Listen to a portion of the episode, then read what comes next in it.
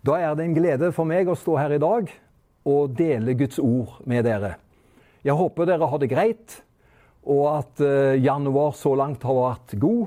Og så ser vi fram til enda bedre tider. Det tror jeg det skal bli for oss alle.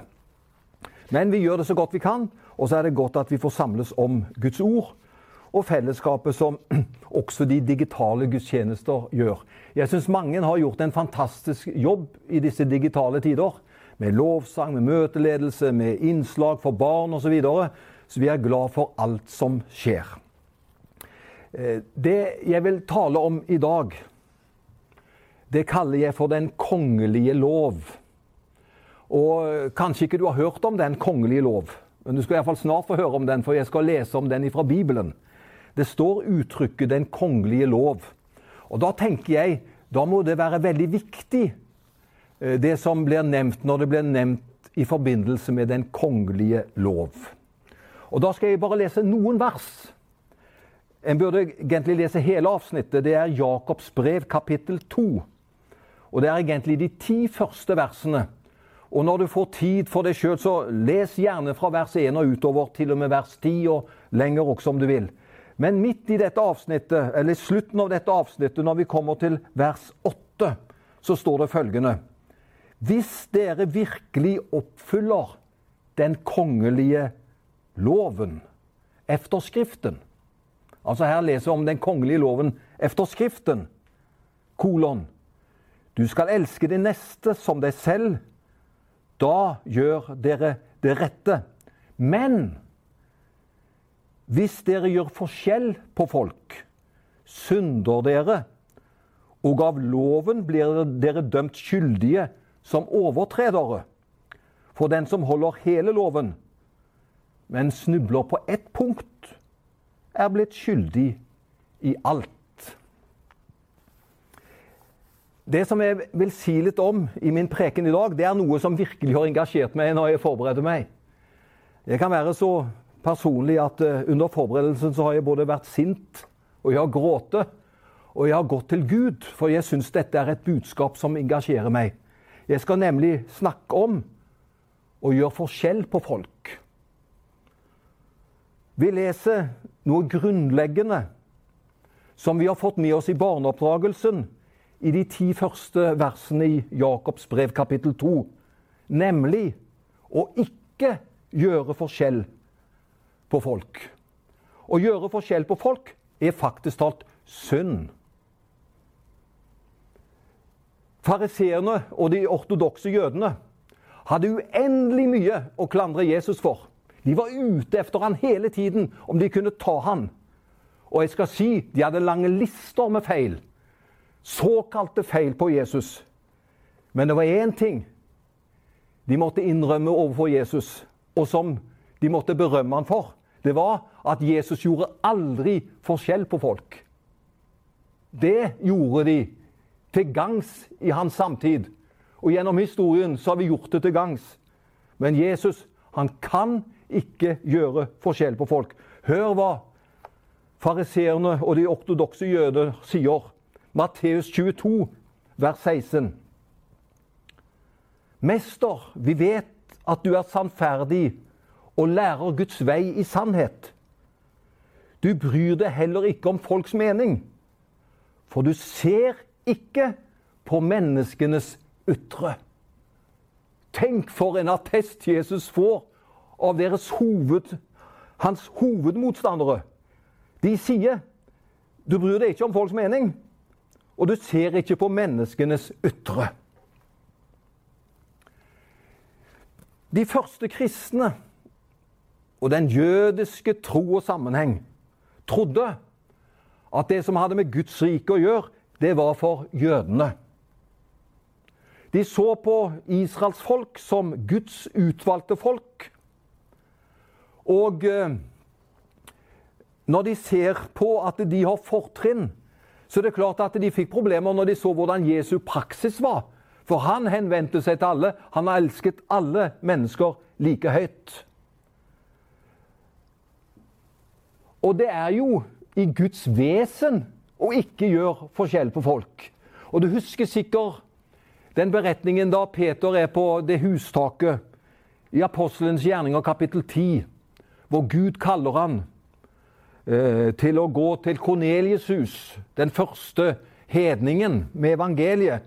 Da streiker jo Peter og sier aldri om jeg går til den hedningen der med evangeliet. Jeg går ikke til han. Og da får Peter en praktisk lekse. Det var prak praktikum i livet hans. Da plutselig så senker Gud ulike fugler og dyr som kommer til ham. Og så sier stemmen ifra himmelen, stå opp, slakt og et, Peter. Og da sier Peter, som den fromme, skriftlærde som han var, aldri om jeg skal spise noe urent dyr, noe vanhellig dyr. Det kan ikke falle meg inn. Og da får han høre disse viktige ordene. Det Gud har renset, det skal ikke du kalle for urent. Og så går Peter imot sin overbevisning, for han skjønner her må jeg følge Guds kall. Og så kommer han til denne familien for å møte Kornelius og møte de menneskene. Og så sier han i Apostlenes gjerninger 10, vers 34.: I sannhet skjønner jeg at Gud ikke gjør forskjell på folk.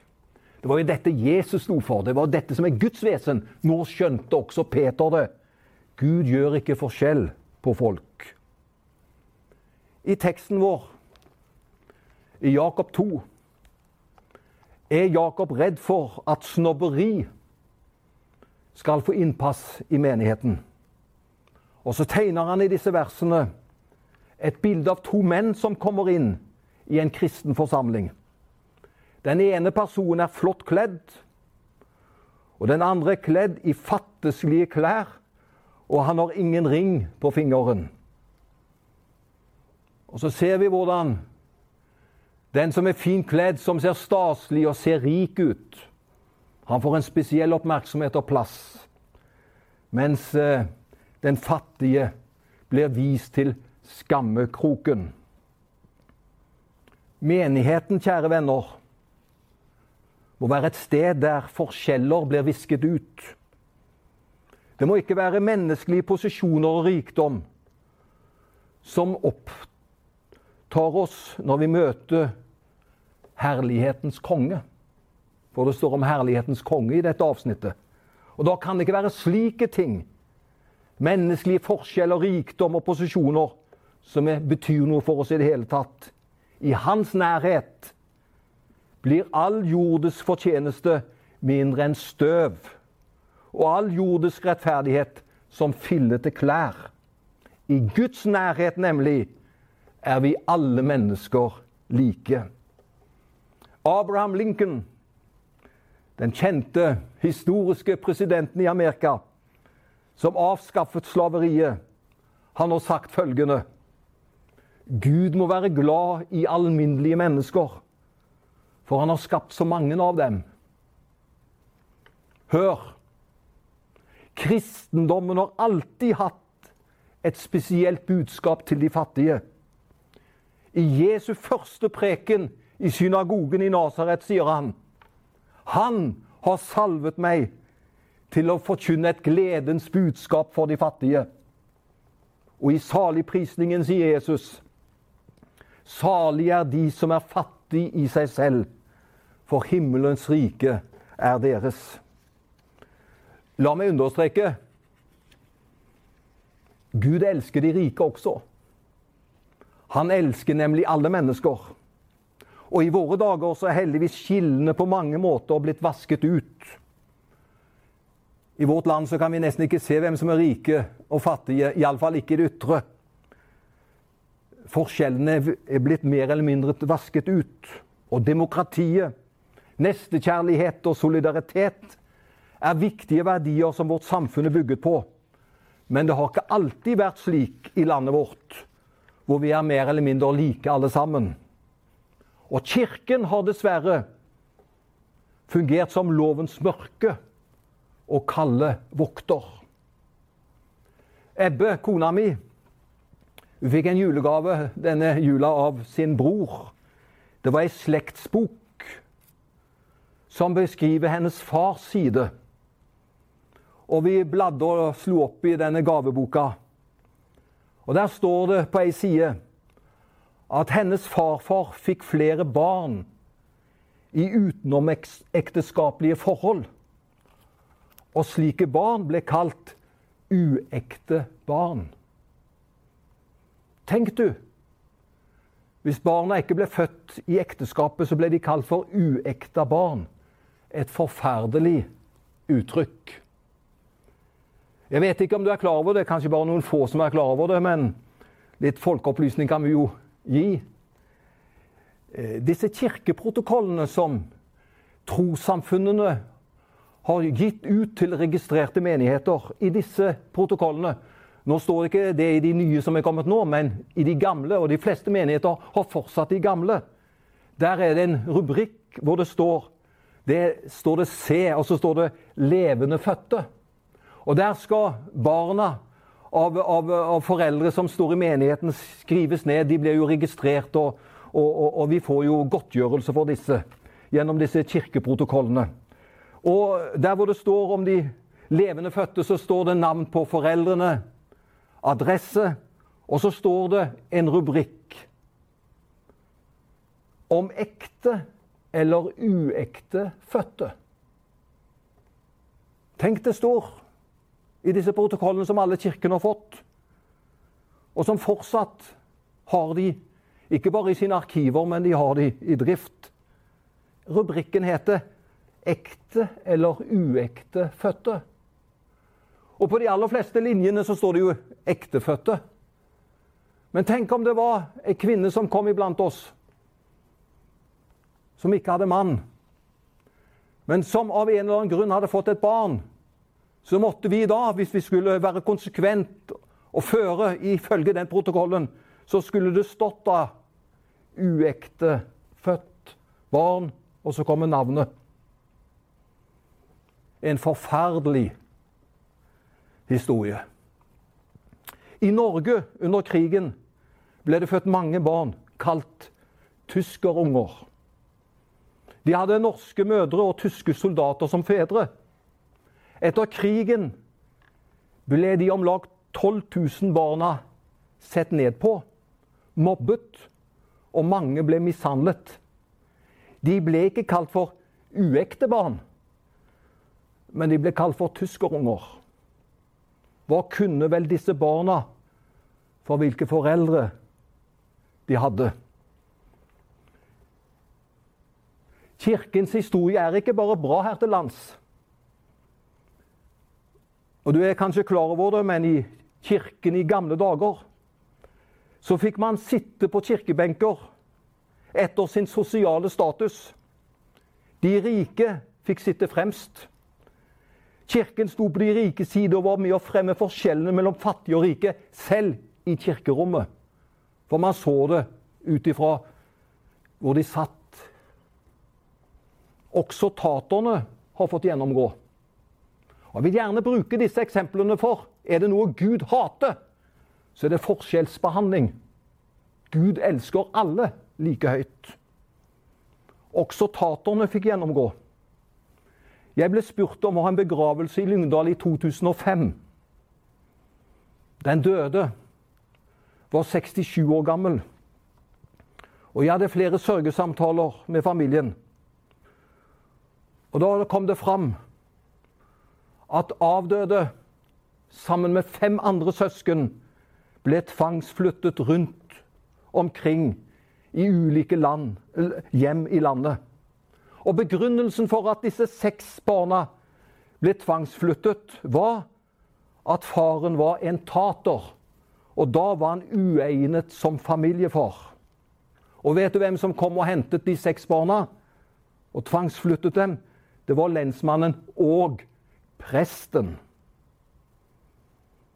Hva kunne denne familien stille opp med når de kom til denne forsvarsløse familien?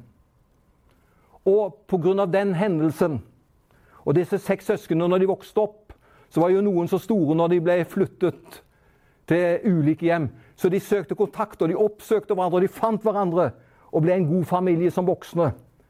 Men avdøde Pga. denne historien så fikk hun, hun fikk et hat til alle prester og for statskirken, som hadde gjort så mye ondt imot familien. Heldigvis har jeg fått et godt forhold til familien, og jeg er blitt deres prest. Du skal få et, et eksempel til.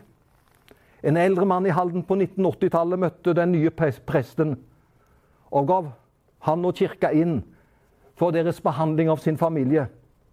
Han selv kom fra en fattig arbeiderfamilie, og de gikk ikke i kirken.